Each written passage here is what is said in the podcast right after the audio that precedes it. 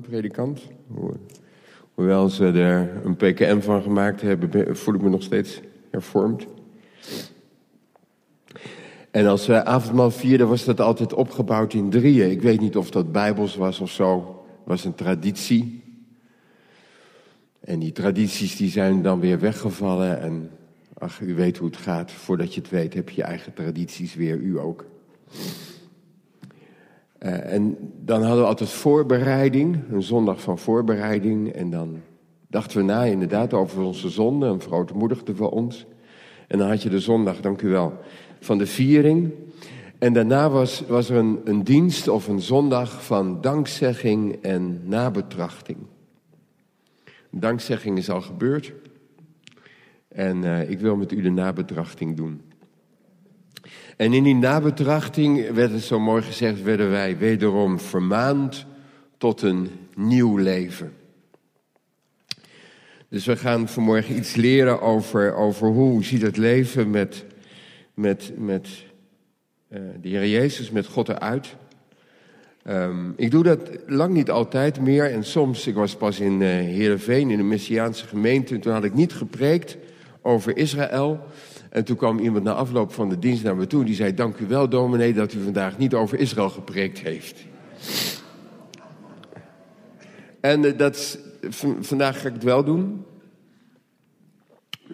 En daar heb ik tien redenen voor. Zult u zo horen. En uh, daarvoor lees ik Psalm 122. Psalm 122, een lied Hamaalot, een bedevaartslied van David. En hij schrijft, ik was verheugd toen men mij zeide, laten we naar het huis van de Heer gaan. Onze voeten staan in uw poorten, o Jeruzalem. Jeruzalem is gebouwd als een stad die wel samengevoegd is, waarheen de stammen opgaan, de stammen van de Heer. Een voorschrift is het voor Israël om de naam van de Heer te loven. Want daar staan de zetels ten gerichte, de zetels van het huis van David. Bid Jeruzalem vrede toe. Mogen wie u liefhebben rust genieten. Vrede zij binnen uw muur, rust in uw burchten. Om mijn broeders en mijn vrienden wil ik zeggen, vrede zij in u. Om het huis van de Heere onze God wil ik het goede voor u zoeken. Uh, we hebben het vanmorgen al gezongen zo rond de kinderdienst, dat, dat, dat de Heere God ons mensen heel bijzonder en uniek gemaakt heeft. Elk mens is uniek. Als je gaat kijken naar de taal van de Bijbel, zit dat al in het woordje Adam, mens. De heilige taal, het Hebreeuws, heeft voor Adam geen meervoud. Ons wel een mens, een meervoud is mensen. Maar, maar in het Hebreeuws is voor Adam, is niet Adamim, dat bestaat niet. En de rabbijnen die zeggen dan ook, dat is zo, dat heeft God zo gezegd, omdat, omdat je eigenlijk van een mens geen meervoud kan maken. Elk mens is bijzonder. En ze hebben daar nog veel meer over te vertellen, dat bijvoorbeeld in het, het woordje Adam eigenlijk de hele heilsgeschiedenis besloten ligt. De bestemming van ons mensen, dat het begint bij Adam, de A en dan naar de Dalet, de D van de grote koning David. En dat het uiteindelijk zal eindigen met de Moshiach, met de Messias, Adam. Anderen zeggen nee, het woordje Adam heeft te maken met Adama. En dat betekent grond, stof, aarde. God heeft de mens op de berg Moria, in, op de navel van de aarde, heeft hij heeft die gemaakt uit, uit het stof, uit het... Hè, bij, bij andere schepsel heeft hij dat niet gedaan. Die heeft hij geschapen door te spreken. In het Hebreeuws is dat uh, abracadabra. Abracadabra. Ja, dus dat komt daar vandaan. Ik schep zoals ik spreek, betekent dat. Ja, maar, dat is de, maar mens heeft God ge, geboetseerd uit het stof van de aarde. Stof zijn we en tot stof zullen we wederkeren, staat er in Job. Anderen zeggen, ja, maar Adamaken zou je ook kunnen lezen als Adamé. En Adamé betekent ik gelijk. Ik lijk op iemand. En daarmee bedoelt God dan niet ik lijk op mijn moeder of ik lijk op mijn vader, maar ik lijk op God. Ik ben gemaakt naar zijn beeld en naar zijn gelijkenis. Dat is het geheim van Adam, van de mens. En omdat de mens zo bijzonder is, heeft God hem ook hele bijzondere trekken gegeven. En het eerste, dat hoorde ik pas, had ik nog nooit bij stilgestaan. Ik vond het eigenlijk wel grappig. Er is een rabbijn die zei, de mens is het enige schepsel wat God zo gemaakt heeft dat hij een hekel heeft aan zijn eigen lucht. Ja, dat is wel zo natuurlijk. Een geit heeft daar geen last van. Zet een geit drie weken tussen de geiten en hij zal heus niet gaan, gaan jammeren dat het overal zo naar geit ruikt. Paarden hebben dat ook niet. Niet zo dat, dat, dat je tegen je vrouw zegt, nou onze Mary staat weer depressief de hinnik op stal. ze zal wel, het zal wel, ze zal wel genoeg hebben van al die schimmel. Maar bij ons is het wel zo. Als ik mij twee weken niet zou wassen. En een van onze kleine kinderen heeft een neiging daartoe. Dan, dus dan zegt Harriet niet van Henk, joh, je gaat steeds lekkerder ruiken. En waarom is dat nou? Dat is om ons nederig te houden en misschien ook wel, maar daar ga ik vanmorgen niet over preken, opdat wij de reuk van Christus op zouden doen dat, is, wat Paulus zegt in 2 Korinthe 2, opdat wij de reuk van Christus zouden gaan verspreiden. Dat is, dat is het ene bijzondere van ons. En het andere bijzondere is dat we zo gemaakt zijn dat we woorden kunnen maken en dat we een taal hebben en dat we die taal kunnen gebruiken om met God te spreken. Dat kunnen wij mensen als geen ander. We kunnen met onze tongen, met onze taal hele verkeerde dingen doen, maar, maar we kunnen ook, als God ons aanspreekt in zijn woord, kunnen we een weerwoord geven. En ik denk dat, dat, dat Joden dat soms ook veel beter doen nog dan christenen, veel beter doorhebben, dat dat niet alleen maar hoeft te zijn ja en amen zeggen. Ik vind het van mijn kinderen ook. Mijn kinderen doen dat trouwens ook helemaal niet. Dat ze aan tafel alleen maar ja en amen zeggen als ik wat zeg.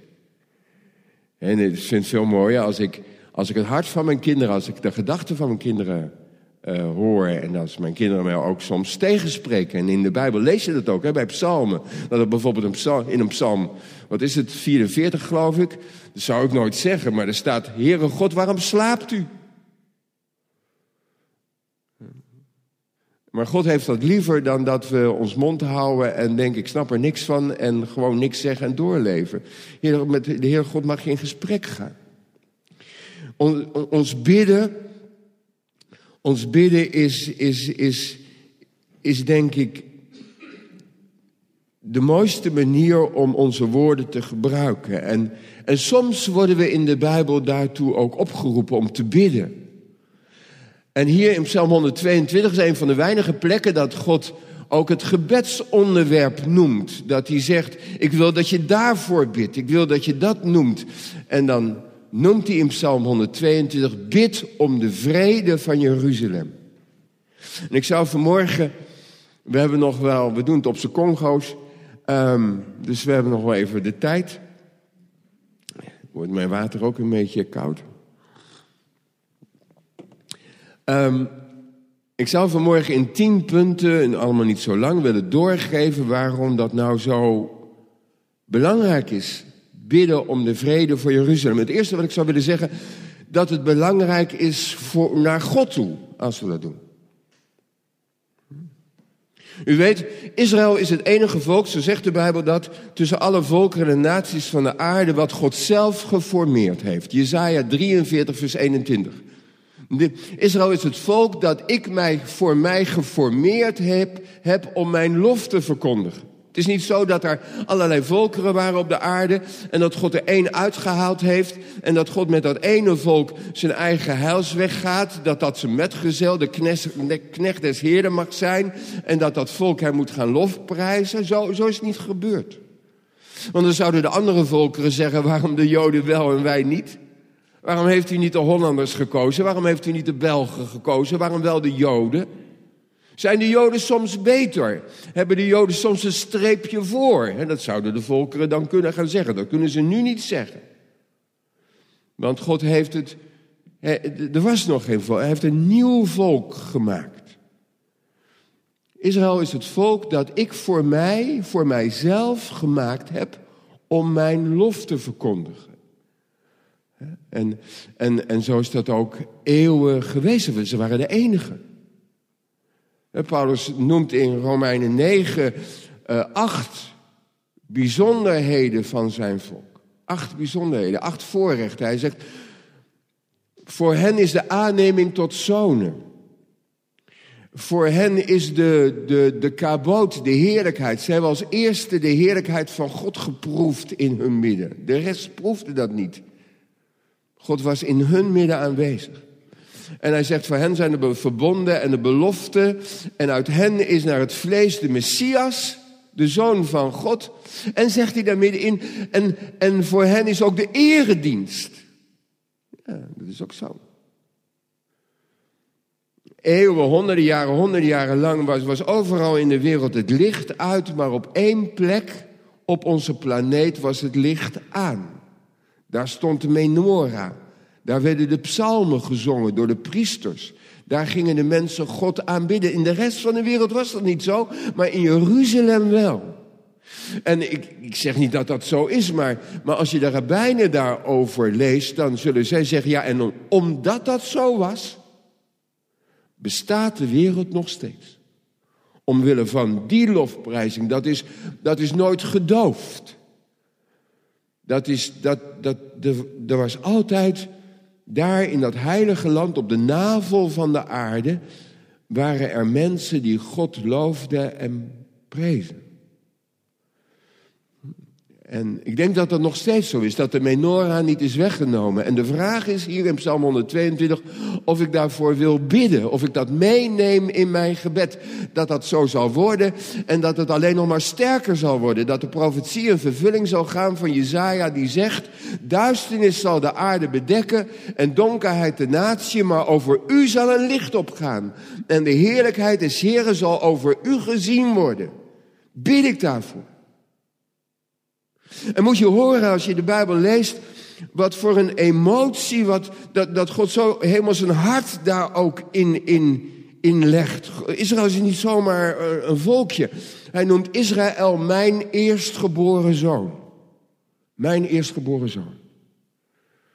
En hij noemt Jeruzalem mijn bruid.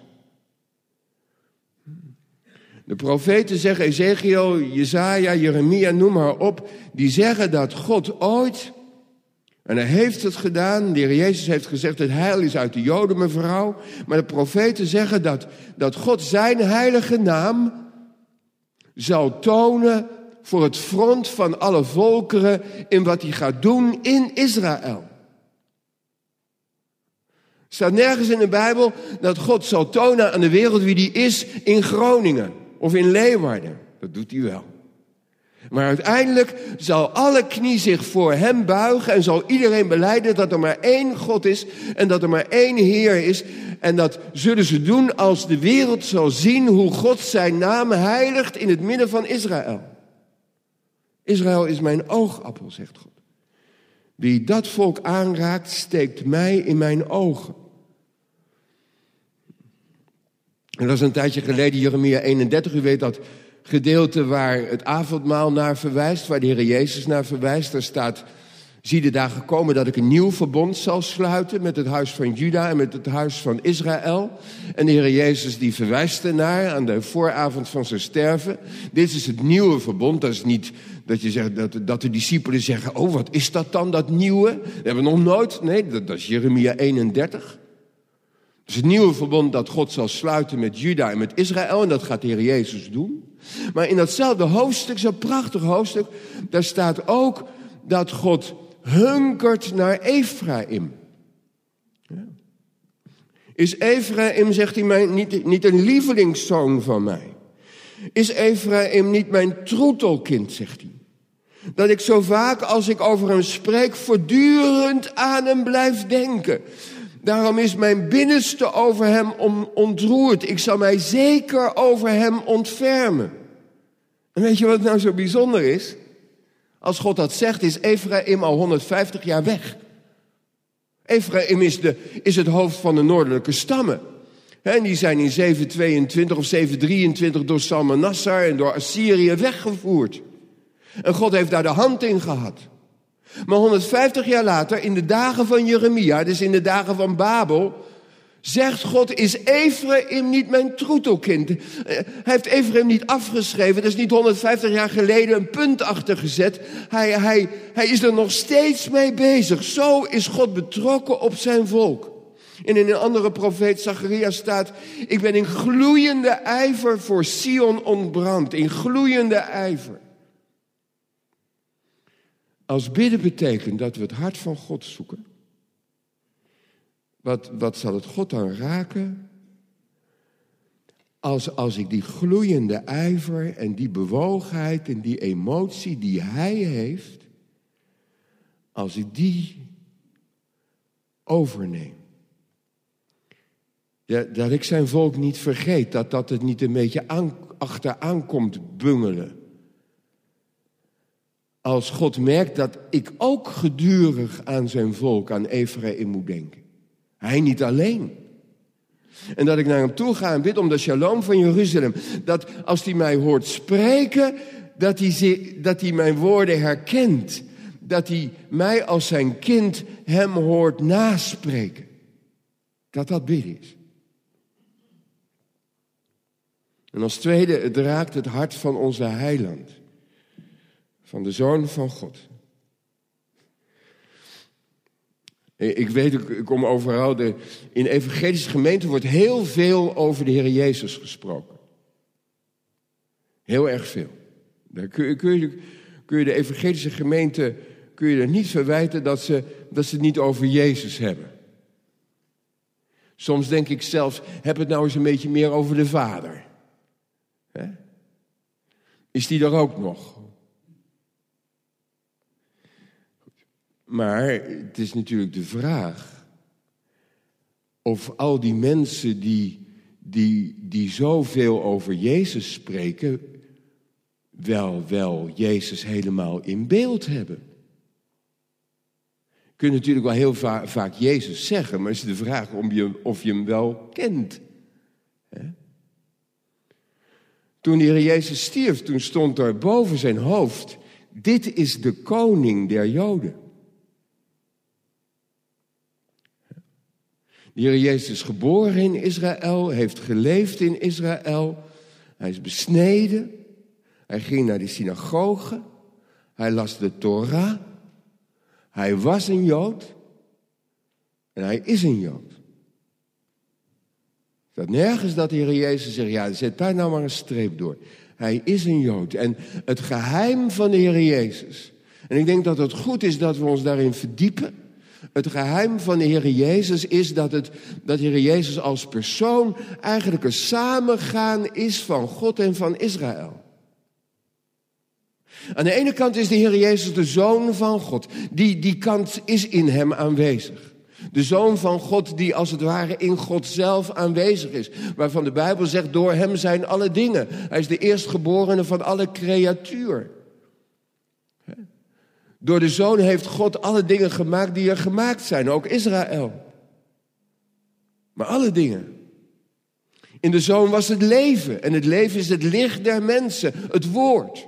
Nou, nou, die zoon, die kant van God, die, die al lang aanwezig was, voor Abraham was ik, die, die is ingegaan in het vlees, in het bestaan van Israël. En aan de andere kant is hij het zaad van Abraham, waardoor de geslachten van Israël naar datzelfde punt toe komt en, en in Maria samenkomt. Zoon van God en zoon van Maria. Samen, dat is Jezus. Tegen Jezus kun je zeggen, je bent de zoon van God. En hij zal zeggen, ja, ik ben de zoon van God. En tegen Jezus zul je zeggen, kun je zeggen, je bent een Jood. En Jezus zal zeggen, ja, ik ben een Jood. Mevrouw, het heil is uit de Joden.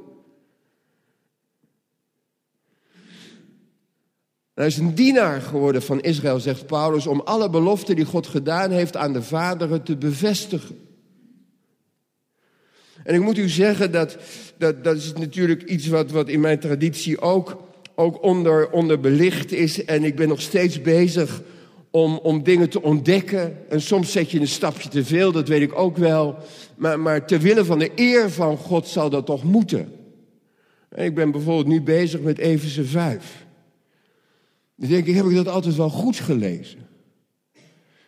En dan, dan, dan, dan, doe je als het ware een deurtje open, dan ga je dat deurtje door en dan hoor je dat je de eerste niet bent die dat gezegd heeft. Dat grote mensen dat al veel eerder gezegd hebben, maar dat we dat vergeten zijn.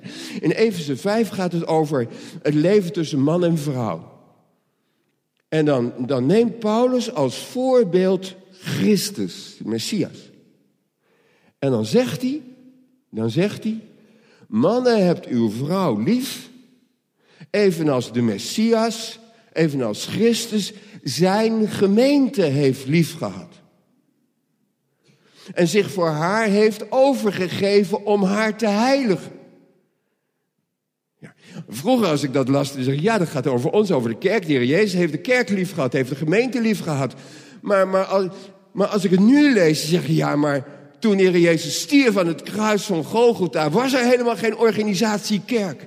Maar er was wel een gemeente, dat was al honderden jaren lang een gemeente. En de gemeente waar Paulus het over heeft, is de gemeente waar, dat is de Kahal Adonai, de gemeente van Israël.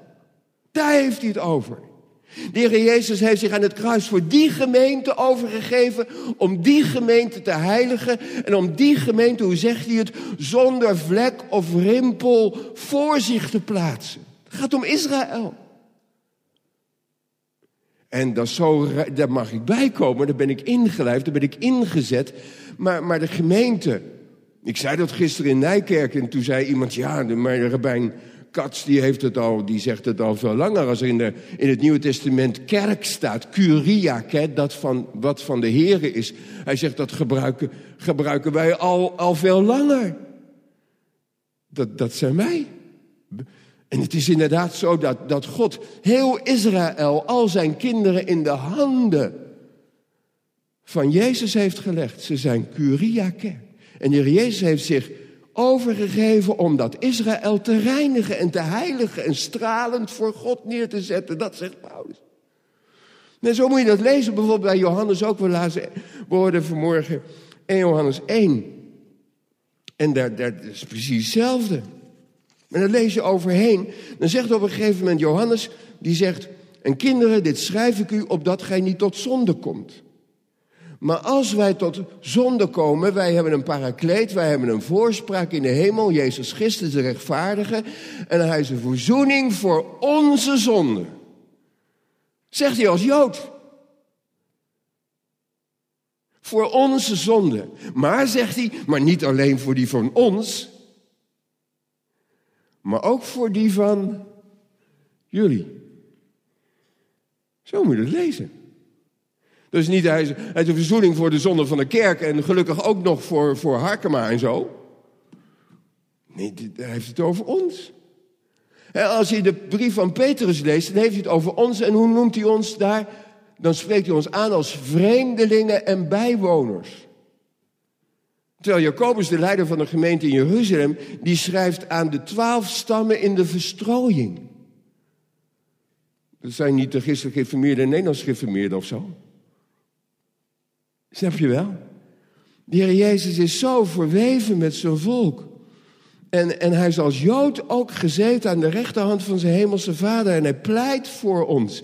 En, en in Romeinen 8 staat dat. En voor wie pleit hij dan? Dat is een gedeelte wat vol staat met citaten uit, uit de psalmen en uit Jezaja. En dan gaat het over mensen waarvan Paulus heeft gezegd... diegene die hij van tevoren geroepen heeft. Die hij van tevoren bestemd heeft tot gelijkvormigheid aan het beeld van zijn zoon. Ik, kom, ik ben er iemand van van achteren. Maar hij heeft het nu over de mensen die die al van tevoren.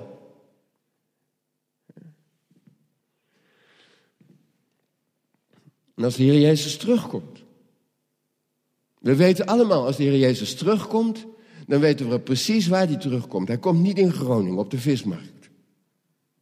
Hij komt voor de poorten van Jeruzalem. Want er staat er in Zacharia dat alle ogen zullen hem zien. Ze zullen hem zien die zij doorstoken hebben. En waar zien ze hem dan? Voor de poorten van Jeruzalem. En wat komt hij daar doen? Dan zijn de volkeren opgetrokken naar Jeruzalem om Jeruzalem te tillen als een lastige steen, als een beker sterke drank aan hun lippen te zetten. En dan verschijnt de Messias. Dus als er in openbaring 19 staat dat de hemel open gaat en dat de hemel juicht omdat God het koningschap op zich genomen heeft. En al die engelenlegers verschijnen aan het firmament op witte paarden en aan het hoofd Christus zelf. Dan staat er uit zijn mond ging een scherp tweesnijdend zwaard om daarmee de goyim, om daarmee de volkeren te slaan. De Jezus komt niet naar beneden met een vlaggetje, maar met een scherp zwaard. Jezaja 11 zegt, er zal een reisje voortkomen uit de afgehouden tronk van Isaïe... en een scheut uit zijn wortel zal vrucht dragen. En op hem zal de geest des Heren rusten. En wat is dan het eerste wat hij gaat doen? En hij zal de aarde tuchtige slaan met de roede van zijn mond... en de goddeloze doden met de adem van zijn lippen. Dat is het eerste wat er staat. En wanneer doet hij dat dan? Als hij afdaalt uit de hemel en voor de poorten van Jeruzalem komt. En wat is dan een vreugde voor de Heer Jezus als ik dat, als ik dat noem in mijn gebed? Als ik, als ik die kant van hem herken. U, dus, dus goed hoor, ik ben hier ook, want wie, maar je zou voor de aardigheid of voor de onaardigheid gewoon eens moeten kijken. Als je een kerkdienst meemaakt, gewoon in alle argeloosheid. Hoeveel van alle liederen die wij uitkiezen, gewoon niet voortdurend om onszelf gaan? Een hele hoop. Daar moet je ook mee uitkijken, want als je, als je zo vaak over jezelf zingt, dan gaat het afvlakken. Dan zing je mee op de melodie en dan het is net alsof de woorden niet meer je hart raken. Misschien herkent u dat wel. Ik vind het nog steeds een mooi lied, maar het blijft grijs. En het komt misschien ook wel om, omdat de Heer Jezus veel groter is.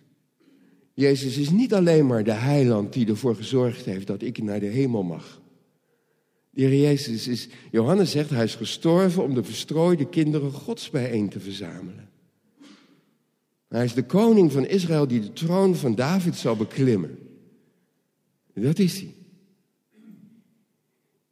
Dat, dat, dat zou, ik denk dat, ja, laat ik, laat ik maar scherp zeggen, als, als we dat niet meer benoemen, dan, dan doen we de Heer Jezus onrecht aan. Als de Heer Jezus alleen maar interessant is, als ik het zo plat mag zeggen, voor zover het mijn ziel raakt en mijn bevrijding en de schuld die ik kwijtraak, dan doen we hem tekort. Ik ben voor mijn kinderen ook niet alleen maar interessant in hoeverre ik zakgeld en eten en. Wat een vreugde als derde ook voor de Heilige Geest. U weet, u weet, wij kunnen de Heilige Geest bedroeven, maar als we de Heilige Geest kunnen bedroeven, dan kunnen we de Heilige Geest ook blij maken. Mensen vragen wel eens: wat heb jij met Israël? Ben je een keer te veel geweest of zo? Hoe is dat zo gekomen? Natuurlijk kan ik een paar dingen aannoemen. Ik was twaalf toen de Zesdaagse Oorlog uitbrak en heel Nederland was betrokken bij Israël. Dat zal hebben meegespeeld. En precies in die jaren kwam er, in het begin was dat helemaal niet zo, maar, maar in de zestiger jaren kwam er aandacht voor de gruwelijke vervolging van de Joden in de Tweede Wereldoorlog. En ik zat op de school met de Bijbel, daar ging het over Nederland, God en Oranje en Israël. En dat, zijn ook allemaal wel antwoorden. Maar... Uh, maar het werkelijke antwoord is dat, dat ons geloof. Ja, we zeggen misschien wel gauw, ik heb voor Jezus gekozen, maar dat, dat kon alleen maar omdat God voor jou koos. Het geloof is een gave van God, zegt Paulus, opdat niemand roemen. En zelfs onze goede werken heeft God voorbereid opdat wij daarin zouden wandelen. Het geloof is een gave van God. Een gave van de Heilige Geest. En als de Heilige Geest mij zo het geloof geeft, zodat ik God niet meer loslaat, en blijft geven, als mijn geloof genade blijft, dan is, dan is het ook logisch dat God iets van zijn hart en van zijn gevoel in dat geloof, in die Heilige Geest aan mij doorgeeft. Dan komt daar zijn liefde voor Israël in mee. Het is zo vaak zo dat mensen al veel eerder van Israël houden dan dat ze het allemaal begrepen hebben. Theologisch. Ze weten gewoon als ze tot geloof komen dat er iets mee is. En ze snappen het allemaal nog niet, dat komt veel later pas. En dat komt door de Heilige Geest. Als je geplant bent als een boom aan waterstromen en de Torah, het woord van God, opzuigt met je wortels, dan komt dat mee. Paulus zegt in dat geweldige hoofdstuk Romeinen 8 ook. Iets heel merkwaardigs, ik heb dat wel eens meer gezegd hier. Hij zegt, wij weten niet wat wij bidden moeten. Dat is een opmerkelijke uitspraak voor een apostel. Hè? Net zei u van, wilt u dan ook bidden na de preek? Stel voor dat ik tegen u gezegd had, nou preken lukt nog wel, maar ik weet toch niet wat ik bidden moet. En u gezegd, nou gekke poot. En dat had je niet gezegd natuurlijk, maar maar Paulus zegt, wij weten niet wat wij bidden moeten, precies hoe het moet, maar de geest, de Heilige Geest, bidt voor ons met onuitsprekelijke zuchtingen. En de Heilige Geest die, die onze, de diepte van ons leven peilt, zegt hij dan, die bidt naar de wil van God voor de Heiligen. Net zoals de Heer Jezus aan de rechterhand van God dat doet, doet de Heilige Geest dat dus ook. En die heiligen zijn in de eerste plaats de afgezonderde. Dat volk dat anders is, dat zich met de natie niet rekent, zegt Biliam. Dat zijn de heiligen, dat betekent heilig. Apart.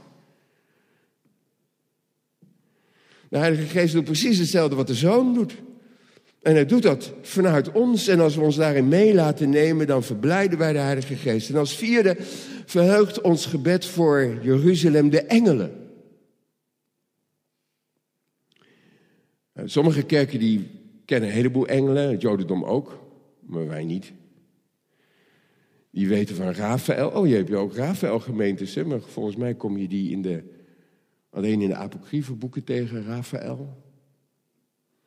Uriel, ook nog zo één, een aartsengel. Maar wij kennen wel de gabber van God. De metgezel van God, Geber Eel, Gabriel. Dat is de aartsengel. Die wordt door God gezonden naar de aarde om zijn boodschap, zijn heraut te zijn, zijn boodschap over te brengen. En een van de meest beroemde boodschappers van de metgezel van God, de knecht van God, de Gabriel, is de geboorte van de Heer Jezus. Dat hij die mag aankondigen aan Maria. En dan zegt hij, dan gaat het ook over Israël, dan zegt hij, en God zal hem de troon van zijn vader David geven en hij zal koning zijn over Jacob tot in eeuwigheid. Een andere engel is Michael. Daarover lezen we in Daniel 10. En Michael, dat is de engelenvorst die God boven Israël gezet heeft om Israël te bewaken.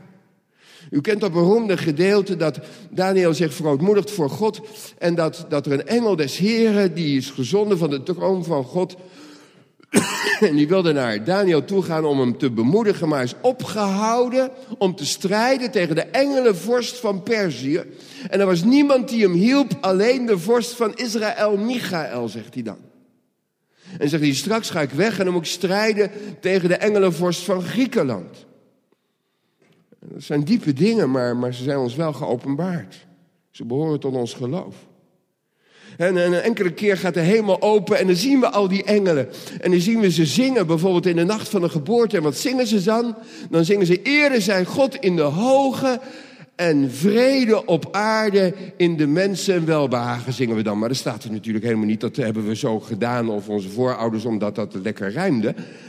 Maar er staat vrede op aarde bij de mensen naar wie Gods welbehagen uitgaat. En wie zijn nou de mensen in de tijd van het Nieuwe Testament naar wie Gods welbehagen uitgaat? Dat is Israël. Dus daar zingen de engelen precies hetzelfde. Ere zijn God in de hoge en vrede voor Jeruzalem. In hem. Tja, dat zijn diepe dingen. Jezus spreekt er zelfs over. Ik sta er eigenlijk.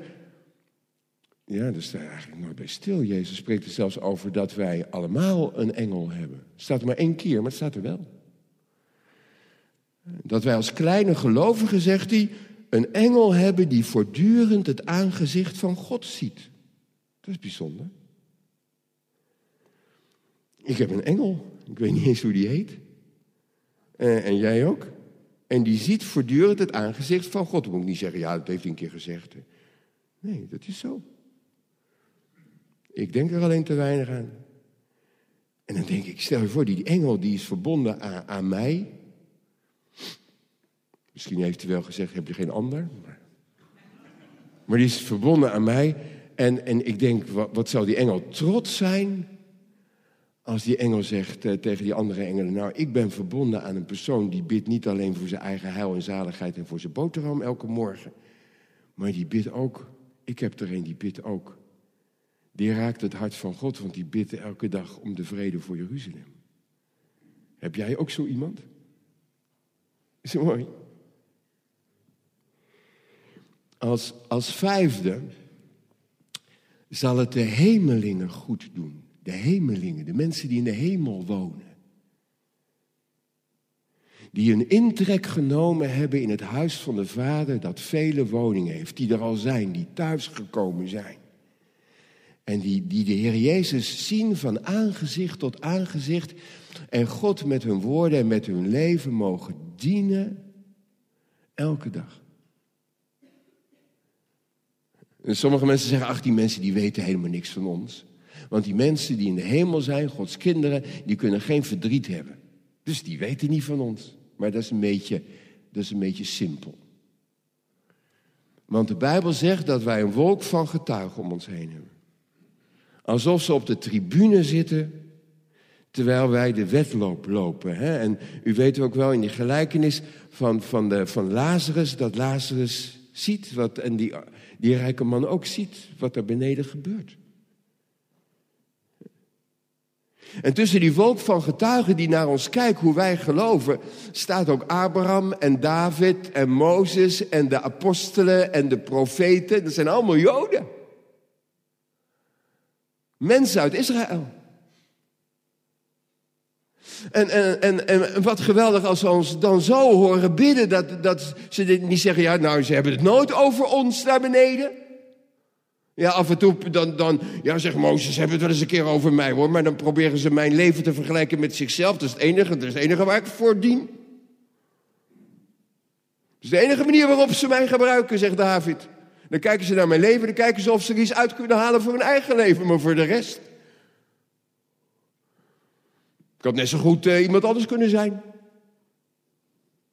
Openbaring 5 vergunt ons een blik in de hemelse hofhouding. Hè?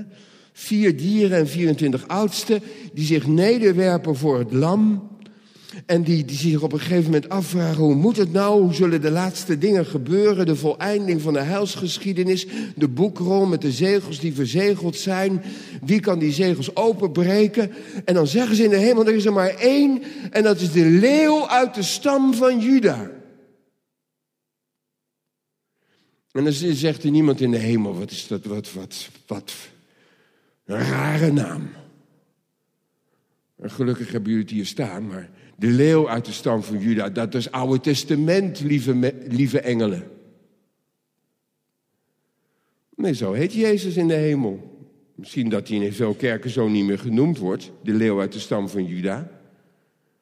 Maar in de hemel noemen ze hem zo. Ze hadden hem heel anders kunnen noemen. Ze hadden kunnen noemen de heiland van de wereld, die kan de zegels... Nou, dat zeggen ze niet. Ze zeggen de leeuw uit de stam van Juda. Ze weten heel goed wie Jezus is. Zo staat hij bekend. En zo wordt hij aangeroepen.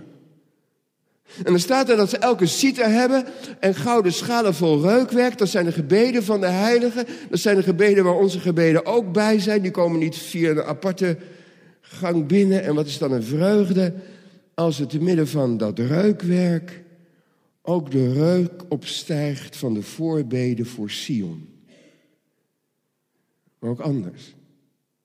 We horen in, in, in openbaring 6 dat, de hemelingen daarboven ook bidden en dat ze ook smeken, smeken. Ze zeggen, hoe lang nog, heren, o heilige en rechtvaardige, waarachtige heerser, hoe lang nog tot, totdat u het het bloed oordeelt en wreekt van hen die op de aarde wonen, van onze broeders en zusters. De hemelingen die, die, zitten niet, die staan niet met de rug naar de aarde toe. Die zien hoe op dit ogenblik Israël wordt aangevochten. Steeds meer en steeds meer. En het zal niet stoppen voorlopig. Als de Messias niet komt. Maar hoe ook, ook ook de christenen vervolgd worden. En de Roelof kwam er net naar me toe, die zei, heb je gehoord dat van de week er een bootje was van vluchtelingen? Daar hebben we het ineens allemaal over, omdat de NOS het daar ook over heeft. Een jaar geleden was het ook al zo, maar speelde het niet zo, maar nou de tv het doen we ook allemaal mee. Ik zat van de week nog een keer, ja ik moet opschieten, maar ik zat van de week nog een keer gewoon op een rustige avond tv te kijken. Ik zei tegen Harriet, je hebt het niet door, hè, maar je bent gewoon met z'n allen in een soort, s'avonds in een soort familie van Nederland terecht. Hè? Allemaal bekende mensen met wie van alles gebeurt en zo. Ja, bekende voetballers en filmsterren en BN'ers en zo. En dan leef je mee. Dat is lid van je familie geworden zo'n beetje. Daar zit je in, daar hoor je bij. Oh, heb je het al gehoord? Gordon is uh, op, uh, bij, Rutte geweest. Ja, dat weet heel de straat. En op een gegeven moment gaat het over vluchtelingen heel erg. Dus dan uh, worden rekeningen geopend, alsof het alsof in, in, Uithuizen, in Uithuizen liep, liep een jaar geleden liep, het hele dorp al vol vol met mensen uit Eritrea. En, en Roelof die zei van de week, toen was er een bootje en daar zaten 15 moslims in en 12 christenen. Hebben die moslims hebben al die christenen uit de boot gegooid. Die zijn verdronken. En de Bijbel zegt, in de hemel hebben ze dat gezien. En in de hemel smeken ze en zuchten ze en zeggen ze tegen God, hoe lang nog voordat u dat wreekt? Voordat u daar wat aan doet? Voordat u het stopt? Wanneer, wanneer komt de vrede voor Jeruzalem en de vrede voor al uw kerken? En zij daarboven en wij hier beneden doen daarin mee. En we bidden daarvoor en we smeken daarvoor en we zijn ermee bezig in ons gebed. We zien uit naar de verlossing van Gods volk. Dit is niet zomaar iets. Ook niet zomaar iets omdat we ons bevinden in een geestelijke oorlog. Tegen de Satan en tegen zijn de demonen. De, u weet, de duivel is uit de hemel geworpen. Ja, dan was hij dolgraag in de hemel en dan kwam hij bij God. En dan had hij zijn rondreis over de aarde gemaakt met al zijn demonen die dat ook deden. En dan nam hij de dossiers mee naar boven, zeg maar. En dan liet hij het lezen aan God en zei, heb je al gezien? Heb je al gezien? Ja, Israël is uw volk. Moet je kijken, moet je kijken. Zo deed hij dat. En dan zei de Heer God, heb je ook acht geslagen op mijn vriend Job? Ja, zei de Satan dan, dat staat hier, maar ja, dat, dat ziet er inderdaad aardig uit. Maar ja, ik wil niet zeuren, maar uh, als u iedereen zo zegent, maar als je er even iets van aftrekt, dan kom ik over een tijdje weer terug. Dus eens kijken hoe zijn rapport er dan voor staat. Daar was hij mee bezig. De duivel. Maar, maar als de Heer Jezus naar Golgotha gaat, dan neemt hij onze dossiers mee. Hij zegt de Bijbel, het handschrift dat tegen ons was. En hij neemt het niet mee naar de hemel in zijn hemelvaart, dan is het al lang weg. Hij neemt het mee naar het kruis. En daar timmert hij aan het kruis. En, en als hij sterft en zijn bloed loopt langs het hout, dan verbleken de letters die tegen ons zijn. En dat dossier wordt begraven in zijn begrafenis. Hij neemt het mee in zijn graf en daar verdwijnt het. En daarom zegt hij ook, ik zag de duivel als een bliksem uit de hemel vallen. Hij heeft daar niks meer te doen. Maar hij is niet weg. Wat hij in de hemel niet kan, dat doet hij op aarde. We lezen het Dagblad van het Noorden. Misschien kent u die krant hier niet, maar wij lezen die eigenlijk hoofdzakelijk voor de puzzel. En ook wel, maar dat is een kleine zonde van mij voor Dirk Jan. Maar als je ziet hoe, hoe subtiel daar soms tegen Israël geschreven wordt. Hoe Paulus zegt, wij moeten de geestelijke wapenrusting aantrekken en we moeten onze lendenen gorden met de waarheid. En, en de duivel is de vader van de leugen. En de leugen is heel vaak niet de, de aperte leugen, want daar gelooft niemand in. Zelfs al die mensen niet die s'avonds alleen maar tv zitten te kijken. Maar, maar, maar, maar de, de halve waarheid. Dan staat er in het dagblad van het Noorden dat, dat, dat Israël alle Arabieren gezuiverd heeft. Etnische zuivering, dat zeggen ze dan. En dat is ook inderdaad gebeurd. De meningen verschillen daar wel over, maar, maar, maar sommigen zeggen dat van de 750.000 Arabieren die toen gevlucht zijn, er 50.000 door de Joden zijn weggejaagd. Dat staat er. En dat is dan een reden om Tel Aviv niet te steunen of zo. En mevrouw van het ICO, die schrijft het dan. Maar, maar wat is nou het halve daarin? Dat ze verzwijgt dat dat nooit gebeurd was als al die landen in 48 Israël niet hadden aangevallen om Israël te vernietigen. Al die miljoenen Arabieren tegen 900.000 Joden. Was het niet gebeurd. En wat ze vergeten vertellen, is dat heel de oude stad Jeruzalem met de tempelplein en alle Joden die daar woonden, daar allemaal uitgezet zijn nadat ze eerst waren uitgehongerd. Dat wordt verzwegen. Ze doen alsof, alsof Israël in 1967, jonge mensen die weten niet beter, die denken in 1967 zijn al die Joden op hun paard gesprongen. Die zeiden, nou gaan we Judea en Samaria en Hebron en Shiloh en de Ebal en de Gerizim, gaan we allemaal veroveren. Maar zo was het niet. Dat was nog steeds van Jordanië geweest als die naties Israël niet hadden aangevallen om ze te vernietigen. Dat is, dat is de leugen. En Paulus zegt, neem het zwaard van de geest. Maar zegt hij, ben met aanhoudend bidden en smeken, wakend vol volharding in het gebed. Bid daarbij. De heer Jezus zegt, die demonen kunnen alleen maar uitgedreven worden door gebed en door vasten. Wat een macht zal het zijn. Ik denk dat de Heere God ernaar verlangt en dat het ook kan. Als alle christenen zich wereldwijd op dit ogenblik verzamelen in één groot gebed om de vrede voor Jeruzalem tegen de tijdgeest in. Want die tijdgeest zegt Jeruzalem weg. En waarom zegt ze dat? Psalm 2 zegt het is niet tegen ons, maar het is tegen u en uw gezalfde. Uw gezalfde zal daar niet komen en de tempel zal daar niet herbouwd worden en u zal daar niet wonen in Sion. Daarom is het. En stel je voor dat, dat alle christenen, als ze dagelijks bidden, bidden om de vrede voor Jeruzalem. Wat zal dat een kracht zijn in de hemelse gewesten? Zevende, wat een, wat een getuigenis voor de schepping ook. De schepping. Ja, u weet toch wel dat de schepping niet alleen maar een beetje stilzwijgend zijn blaadjes laat bewegen. Dus die boom daar. Op de wind. Maar dat de schepping God looft en bidt. Psalm 19 zegt dat. De hemelen vertellen Gods eer en het uitspansel verkondigt het werk van zijn handen. Het is geen sprake, het zijn geen woorden, hun stem wordt niet vernomen, toch gaat hun prediking over de ganse aarde. Zij getuigen van de majesteit van God, de schepping.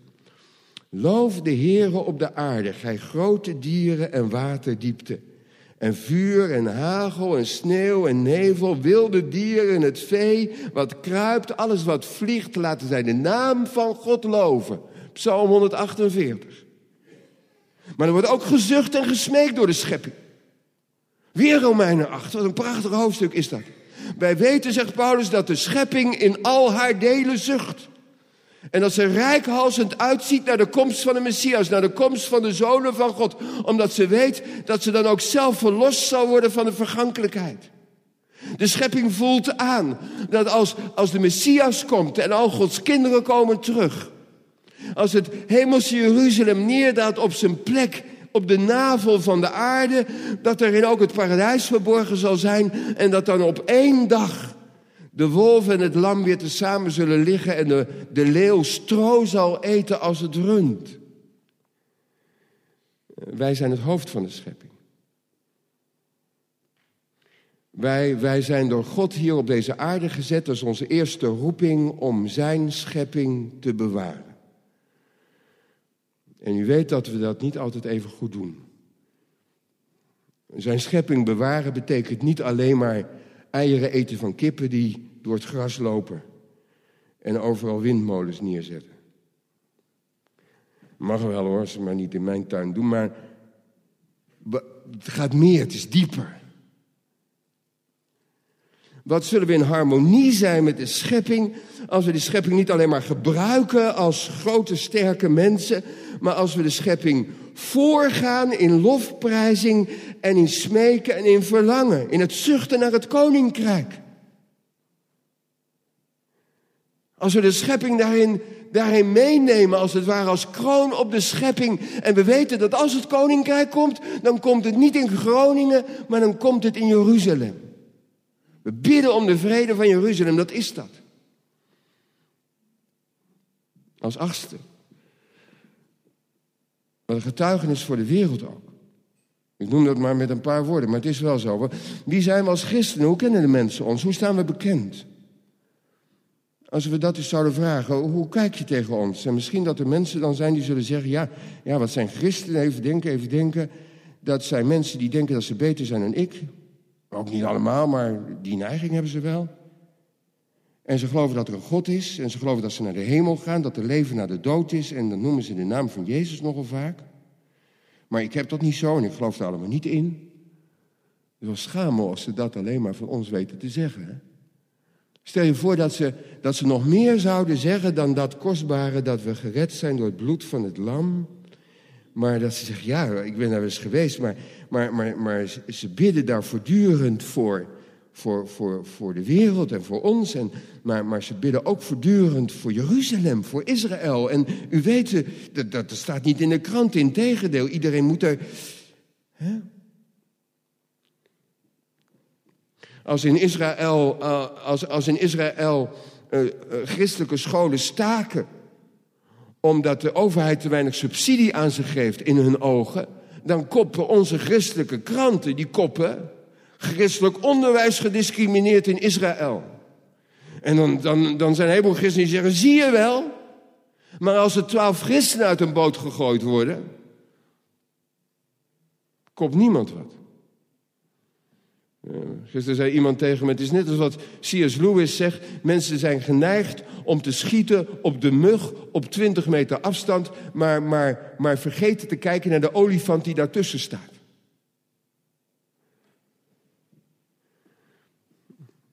Fijke de Velde die zei vorige week tegen me, die zegt, ik geef een Syrische vluchteling, geef ik, geef ik uh, Nederlandse les. En die Syrische vluchteling die begint een beetje Nederlands te praten en die ziet in mijn huis een Israël vlaggetje.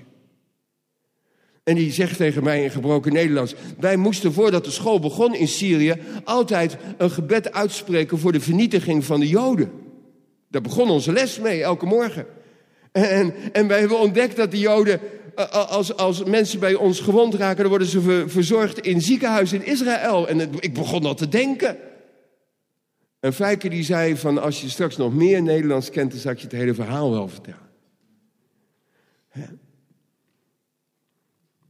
Wat, wat, wat, missen we als we zouden evangeliseren en we vertellen dat er niet bij? We vertellen er niet bij dat Jezus een Jood is.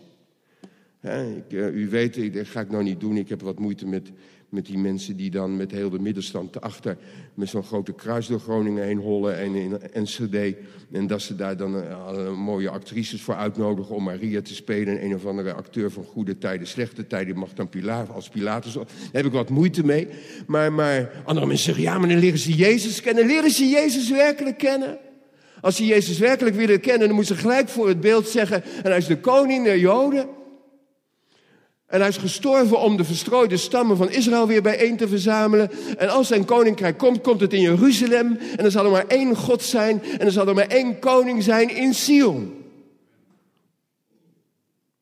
Dat dat is niet, dat komt nog wel. Dat is niet dat zo iemand christen is en die gelooft dat hij naar de hemel mag. En na drie jaar vindt hij vier mensen in een, wat, in een achterafzaaltje in de kerk. En die zeggen, wat zijn jullie aan het doen? Zijn jullie de kindernevendienst aan het voorbereiden? Nee, het is Israël zondag, dan mogen we één keer per jaar Oh, wat is dat dan? Jezus, iedereen die moet God toch dienen. En, en als negende, wat raken we het hart van de kerk zelf, als ik dat dan zo mag zeggen. Wat is het verschil tussen een christelijke kerk die voor Jeruzalem bidt en een christelijke kerk die dat niet doet? Een kerk die dat niet doet, die weet niet meer wie die is die is zijn geestelijke DNA vergeten. Die is vergeten waar ze vandaan komt. En die heeft staar op zijn ogen als het gaat om de toekomst. En een kerk die wel voor Israël bidt, die, die weet, veel beter wie God is. Wat zegt God tegen Mozes?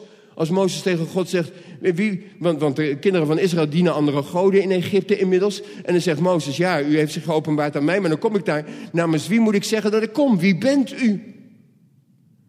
En wat zegt God dan tegen Mozes? Ik ben de, dan zegt hij, ik ben de God van Abraham, Isaac en Jacob.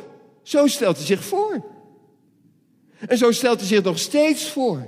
En de kerk, die, die, die, die zou daar oog voor moeten hebben.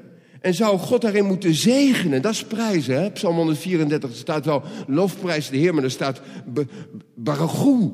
Zegen hem. Zegen hem als de God van Israël. Was een naam die hij nooit doorgestreept heeft. En een kerk die dat wel weet, die, die weet ook dat ze als wilde takken tegen hun natuur zijn ingeënt in de edele olijfboom. En die weet dat onze toekomst alles te maken heeft met het herstel van Jeruzalem.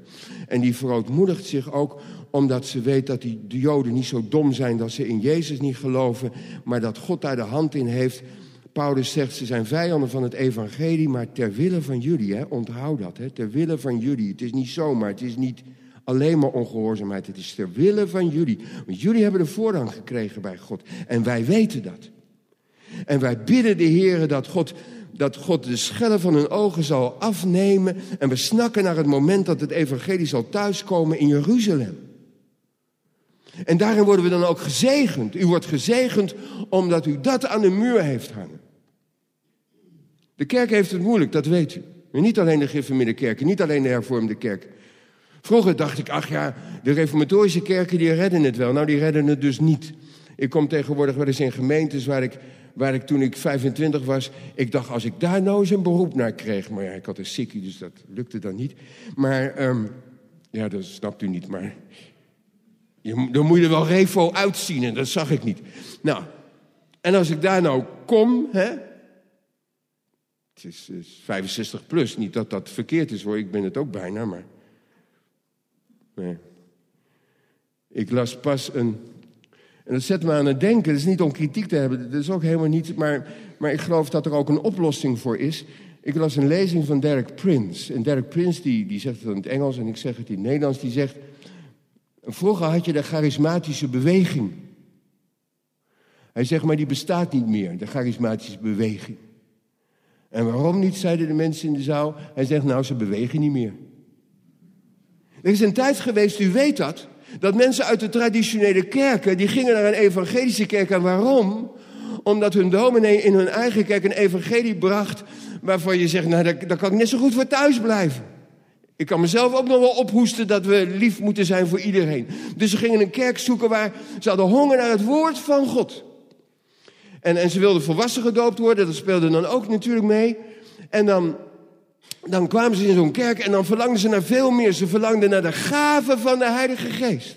Naar profetie, naar spreken in tongen, naar, naar, naar de gave van genezing, naar het proeven van de krachten van de toekomende eeuw, want dat stond in de Bijbel. Maar er zijn nu ook evangelische gemeentes die vallen op omdat ze, die vallen op door hun decibellen. En die hebben de oudere 65-plussers zo getraind dat als je tegen zo'n 65-plusser zegt, vind je dat niet te hard? Dat zo'n 65-plusser heel gehoorzaam zegt, ja, voor mij hoeft het niet meer, het is meer voor de jeugd, hè? Goed zo, oma. Ga maar zitten, het is niet meer voor jou. Zet hem maar wat zachter. Maar wat ik maar wil zeggen is, is dat als wij, als wij ja, zeg maar, als je Israël erbij haalt en je haalt, haalt Jeruzalem erbij, dan maak je het evangelie niet populair en het moet laagdrempelig zijn. Waar heeft Jezus ooit gezegd dat het evangelie laagdrempelig moet zijn? Waar heeft de Heer Jezus ooit gezegd dat hij populair gebracht moet worden? Waar heeft de Heer Jezus en de apostelen ooit gezegd dat we het evangelie zo moeten verpakken en zo aan de wereld moeten aanbieden dat ze er zich niet aan stoten? We zijn het zout van de wereld.